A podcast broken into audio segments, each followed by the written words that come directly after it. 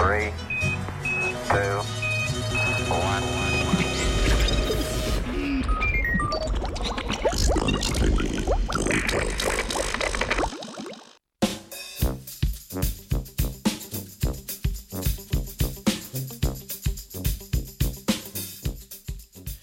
Dizajnerski virusi v boju proti raku.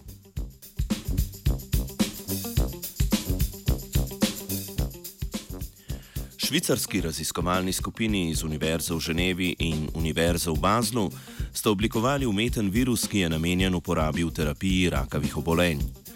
Virus spodbudi imunski sistem, da bolje prepoznava in se bori proti rakavemu tkivu. Študija, objavljena v reviji Nature Communications, predstavlja pogled v razvijajoč se način zdravljenja raka.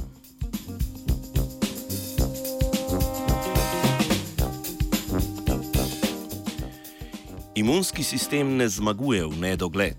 Najbolj premetene so rakave celice, ki z neprestanimi mutacijami uidejo imunskemu sistemu in ne ospodbudijo močnega obrambnega odziva.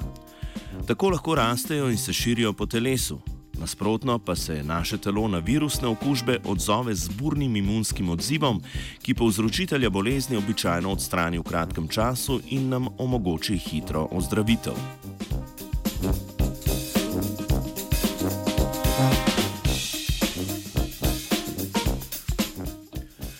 Raziskovalke in raziskovalci so v omenjeni študiji oblikovali umeten virus, ki temelji na virusu limfocitnega horiomeningitisa, katerega naravni gostitelji so miši. Okužuje pa lahko tudi ljudi. V poskusih opravljenih na miših je virus s svojim pomnoževanjem vzpodil značilen odziv imunskega sistema na virusno okužbo, čeprav ni bil nevaren za zdravje miši. V genom virusa so vključili zapis za protein, ki je značilen za rakave celice. Okužba z omenjenim virusom je tako omogočila imunskemu sistemu prepoznavo rakavih proteinov kot tistih, proti katerim se je potrebno boriti.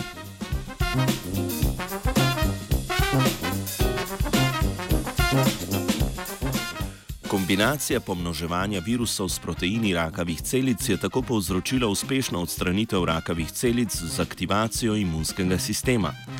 Takšen način imunoterapije rakavih obolenj zaenkrat še ni v klinični uporabi, raziskave na tem področju pa nas navdajajo s kančkom optimizma.